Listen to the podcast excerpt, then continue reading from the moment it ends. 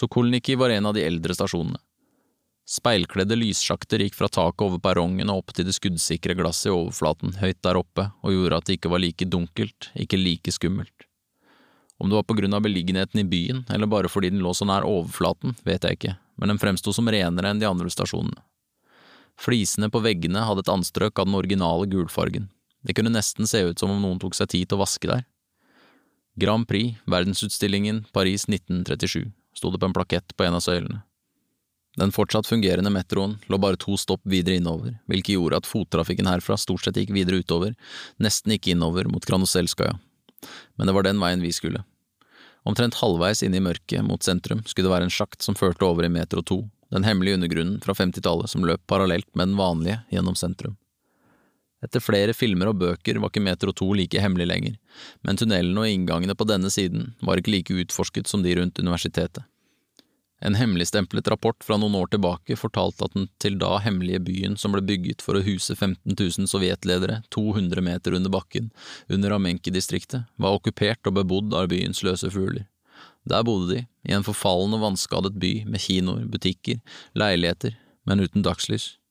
Et strømnett drevet av dieselaggregater, men uten fungerende ventilasjon veier og heiser som ikke fungerte, og et matlager som da byen ble bygget kunne fø beboerne i tre år, men som nå bare ville gi dem som eventuelt spiste fra dem, voldsom mageknip. Apparatet hadde konkludert med at det var best om de bare fikk bli der nede, så kunne de sulte, dø av kullåsforgiftning eller slå hverandre i hjel. Utad uttalte apparatet at det var godt at Sovjetunionens gamle bunker kom de fattige til nytte, og at de selvsagt ikke skulle gjøre noe for å kaste dem ut. Du må donere by til trengende, sto det i en av avisene. Har vi med brød? spurte Alexei. Litt, sa jeg. Stakk hånden ned i sekken og delte det vi hadde i så godt som nøyaktig like store biter. Ba ham spise mens jeg gikk for å se etter en lykt. På pleddet foran en gammel mann fant jeg en bulkete lommelykt i metall og kjøpte med de ekstra batteriene han hadde. Om vi var heldige var det litt strøm på noen av dem, men de kunne også være tomme alle sammen. Da jeg spurte, svarte han at batterier kunne ha mange bruksområder. Putt dem i en sokk om jeg tar det et våpen, sa han, før han spurte om jeg ville kjøpe sokker også. Jeg takket pent nei, men da jeg så ham inn i øynene og skulle betale, ombestemte jeg meg. Det var noe i ansiktet hans. Det overraskende rene, velstelte ansiktet med dype furer og grålige øyebryn og skjeggstubber. Han var gammel, men øynene hans var unge. Hvordan kunne noen holde seg så godt her nede? Sist jeg hadde sett refleksjonen av mitt eget ansikt, var det knapt det hvite i øynene og tennene som kunne skimtes, og jeg syntes rynkene hadde blitt dypere bare på noen dager. Jeg kjøpte et par sokker og takket appåtil for hjelpen. Da jeg kom tilbake til Alexei, rakte jeg ham sokkene. Den forfengelige ham lyste opp, han tok av seg skoene for å ta dem på umiddelbart. Herlig, sa han, jeg føler meg allerede mye renere. Men vi har jo ikke råd til det her. Han satt fremoverlent med begge hendene rundt sokkelinningen på høyre fot. Han tok alltid på seg høyre sokk og sko først, insisterte på at det ikke var en tvangstanke, men klarte aldri å gjøre det motsatt, selv ikke på kommando. Jo det går fint. Hva skal vi spise fremover da, de gamle sokkene våre? Ikke tenk på det, svarte jeg. Fremtiden passer seg selv. Det brummet kraftig fra et tilstøtende rom da jeg startet dieselaggregatene. Kraftige spotlighter sørget for at det knapt var en skygge i rommet. Det var fire meter under taket, betongen var malt i en beige farge, og høyt der oppe surret store vifter og sørget for å dra all den varme lufta ut i tunnelene. Det lukta rått, fuktig, det var tydelig at vannet gravde seg sakte gjennom betongen og før eller siden ville flomme inn over gulvet her, som det hadde gjort i nesten alle andre underjordiske installasjoner. De klarte aldri å drenere ordentlig, eller siden de alltid valgte det rimeligste anbudet, så gadd ikke entreprenørene å gjøre en skikkelig jobb. Om du skulle sitte igjen med noe selv, måtte det tas snarveier. Noen kom til å lide når rumpetrollene begynte å svømme rundt i maskinvare verdt flere millioner rubler. Alt så ut som sist jeg var her. Jeg var i uniform den gangen, det var fem år siden, og apparatet hadde bestemt at maskinen skulle legges i dvale. Den hadde blitt hacket, noen hadde fått fysisk tilgang til nettverket mellom stormaskinen og sentralen i Kreml, og derfor ble den ansatt som en sikkerhetsrisiko. Inntil de hadde rensket opp en større del av sentrum og provinsene, skulle den stå inaktiv, men vedlikeholdes for senere bruk. Jeg hadde fysisk fjernet maskinens nettverksgrensesnitt så ingen lenger hadde tilgang fra utsiden, og tømt maskinen for alle data, bortsett fra operativsystemet.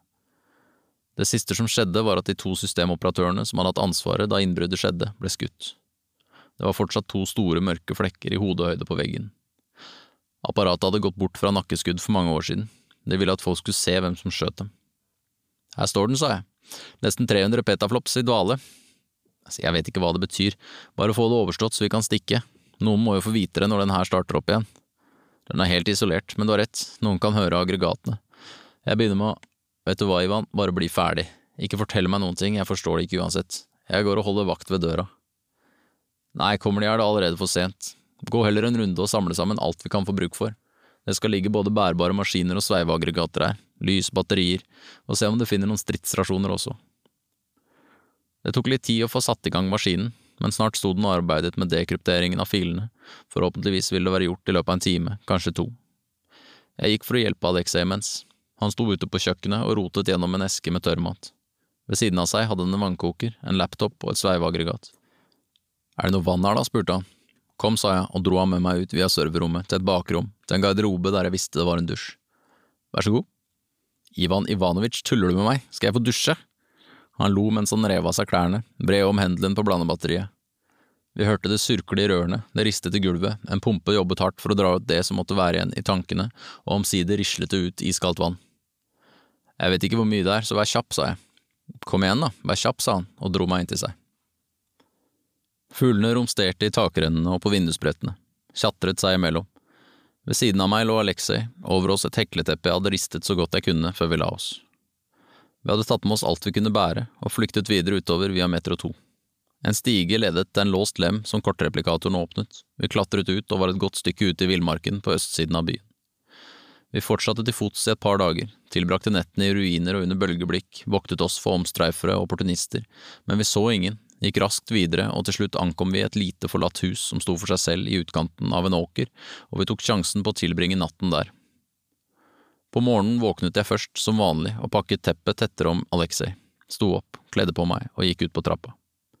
Nå som solen sto høyt, så jeg at huset lå rett ved en innsjø. På baksiden begynte en glenne med grantrær. Duggen blinket mellom nålene, stillhet. Vi måtte være flere mil nordøst for sentrum. På begge sider lå små, tilsvarende hus, vi kunne være i en hageby eller i utkanten av en liten forstad. Kanskje hadde vi gått så langt som til Pushkino eller Ivantijevka. Jeg gikk inn igjen. Etter støvlaget inne i dømme var det forlatt for lengst, men det kunne bo folk i nabohusene. Kan vi ikke sove litt til, spurte Alexei fra senga. Hva om det kommer noen? Jeg sover litt til, og du holder vakt. Like etter snorket han igjen. Jeg dro en av kjøkkenstolene bort til vinduet og hadde god utsikt nedover veien vi hadde kommet langs. Jeg ble sittende og se på åkeren utenfor, på fuglene som kastet seg ut fra trærne og snappet med seg noe fra marken, før de fløy opp igjen og forsvant blant det grønne. Jeg så ingen mennesker. Var de like forsiktige som oss? like redde, eller hadde de reist videre nordover, enda lenger vekk fra makten i Moskva, der over 90 prosent av pengene befant seg. Lenger ut var det hver mann for seg selv. Eller kanskje ikke. Jeg hadde hørt at små samfunn hadde oppstått lenger ut, at separate skattesystemer og velferdssamfunn hadde formet seg uavhengig av det sentrale apparatet. Naturalhusholdninger flere timers flytur fra allfarvei. Det kunne være et alternativ. Alexei fikk prostituere seg, men han slapp i hvert fall å gjøre det i skitne tunneler. Jeg lo for meg selv. Hva ler du av, mumlet Alexei fra senga. Deg, svarte jeg. Meg, hvorfor det? Jeg bare så for meg at du måtte ut på tundraen og ligge med en svær bondetamp i 30 minusgrader. Alexei surret teppet rundt seg og kom bort til vinduet. Det hørtes ikke ut som noe å le av. Jo, om du hadde hatt det samme bildet i hodet som meg, så. Hva nå? Gå løs på de dataene dine, så skal jeg lage noe mat. Sveiveaggregatet pep dempet på bordet ved siden av den bærbare maskinen. Jeg så motløs på den, måtte ta meg sammen for å orke å sveive den i gang for en runde til. Øynene mine var såre etter å ha lest hundrevis av dokumenter. Alexei satt inntil veggen i senga med pleddet rundt skuldrene og sov. Ved siden av meg sto en oppspist porsjon stridsrasjon. Det skulle smake lapskaus, men det smakte bare papp og litt gulrot. Ute var det bekmørkt. Den eneste lyskilden var den flimrende sortgrå skjermen med grønn skrift. Jeg hadde kanskje lest en promille av dokumentene, men allerede sto det klart for meg at det ikke var mulig å rømme. Vi måtte slåss, og vi måtte slåss sammen med noen. Vi satt nå på alt fra krypteringskoder for kommunikasjon mellom droner og baser til GPS-koordinater for hemmelige depoter og fangeleire. Et av dokumentene inneholdt koordinater og informasjon om en militær installasjon som trakk mer strøm enn nesten hele Moskva. Det som sto var kryptisk selv etter dekryptering. R og D avd prekrim, ressurstilgang ubegrenset, forventet ferdigstilt Q2. Resten av teksten tydet på at de forsket på vår oppfattelse av tid. Installasjonen var så høyt gradert at sikkerheten led, man kunne ikke oppbemanne uten å gradere. Jeg gruet meg til å fortelle Alexei at vi måtte oppsøke motstandsgruppene, spre denne kunnskapen. At vi måtte tilbake ned i undergrunnen, kanskje helt inn i sentrum, og til Kalenki, der de ifølge et av dokumentene oppholdt seg flere viktige motstandsmenn. Nei, vi kunne ikke, i hvert fall ikke sentrum. Det ville ikke ta mer enn minutter før kameraene identifiserte oss. Alt innenfor hageringen var ikke-eksisterende for oss. Jeg la armene i kors på bordet og la hodet oppå dem, forsøkte å holde håpløsheten unna. Jeg kom ikke på noen muligheter for å spre denne informasjonen til de rette menneskene. Begynte å tenke på å rømme landet i stedet, selv om det var umulig. Det var tykke belter av miner langs grensen mot Ukraina i vest, og det var altfor langt til Kina. Sørfronten var fortsatt aktiv, med millioner av soldater som drømte om å desertere, men enda flere millioner soldater som drømte om forfremmelse etter å ha skutt en desertør. Dokumentene viste en diplomatisk dragkamp mellom Russland og Europa, der stadig større landområder ble innrømmet i bytte mot ubegrensede mengder energi. Europeerne hadde ikke noe å stille opp med etter storkrigen, og styresmaktene deres gjorde det de måtte for å beholde det de kunne. Folk flest her hjemme visste knapt noen ting. De forsøkte bare å få endene til å møtes, og trodde på det nyhetene viste. Kanskje familiene med soldater ved fronten visste litt mer, kanskje ikke. Ringingen i ørene tiltok, som den ofte gjorde når jeg ble stressa. Jeg stønnet, forsøkte å tenke klart, men kjente i stedet angsten knyte seg i brystet. Plutselig sto Alexei bak meg, som på kommando, strøk meg over ryggen og lurte på hva jeg sutra over. Jeg forstår ikke hvordan vi skal gå frem, sa jeg. Vi får bare ta en dag av gangen. Det holder jo ikke, vi trenger en plan. Han slapp skuldrene mine, gikk mot døra, snakka videre med ryggen til. Så lag en plan, da, for faen. Jeg leste om dagen og lå våken på natta. Alexei trente, jogget eller gikk lange turer, alltid mens det var lyst. Fortalte om endeløse grusveier uten en levende sjel, det var ingen grunn til å være bekymret, han var mer bekymret for meg, som satt i mørket og leste og kategoriserte alle de der deprimerende dokumentene, som han kalte dem. Av og til sto jeg bare i vinduet og speidet etter ham, lente meg på den smale, hvitbeisede karmen og klemte panna eller kinnet mot vindusglasset for å se lengst mulig. Jeg tenkte mer på å rømme, det måtte da finnes en eller annen gudsforlatt plass et sted langt inne på steppene der vi kunne leve et anstendig liv, men da jeg fortalte det til Alexei, bare fnøs han av meg. Den som valgte å sitte på informasjon som kunne hjelpe alle de som levde under overvåking, i frykt for helt uforutsigbare og disproporsjonale represalier, alle de som når som helst kunne komme hjem til en leilighet i brann eller plutselig forsvinne, den som valgte å ikke gjøre et forsøk, i det minste et halvhjerta pysete forsøk på å bruke den informasjonen, kunne ikke leve et anstendig liv, ikke i ordets rette forstand. Til å begynne med forsøkte han å muntre meg opp, tøffe meg opp, men etter hvert ble han bitrere, kalte meg av og til feig, unnlot å stryke meg over nakken når han gikk forbi men jeg var den samme som alltid.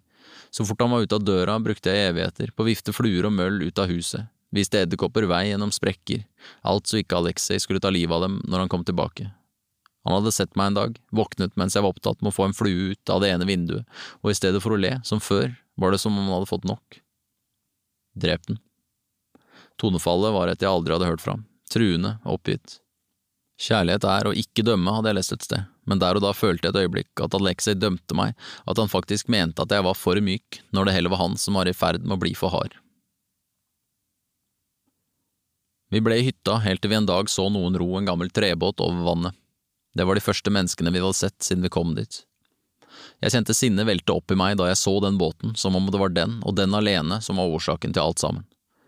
Faen, sa jeg. Ja, sa Alexei, jeg går og pakker. Jeg ble stående og stirre ut mot de to menneskene i båten en stund, før jeg gikk rundt hushjørnet for å tisse. Etter hvert som det ble en liten dam ved føttene mine, så jeg de døde maurene som fløt med urinen ned mellom skoene og inntil grunnmuren på huset. Jeg flytta strålen, men da begynte det å renne mot sålene mine i stedet. Alexei stakk hodet ut av vinduet. Står du her og griner? Nei, jeg bare tisser. På deg selv? Han nikket mot skoene mine. Jeg svarte ikke. Si fra når du er ferdig, da, så skal jeg komme og tørke.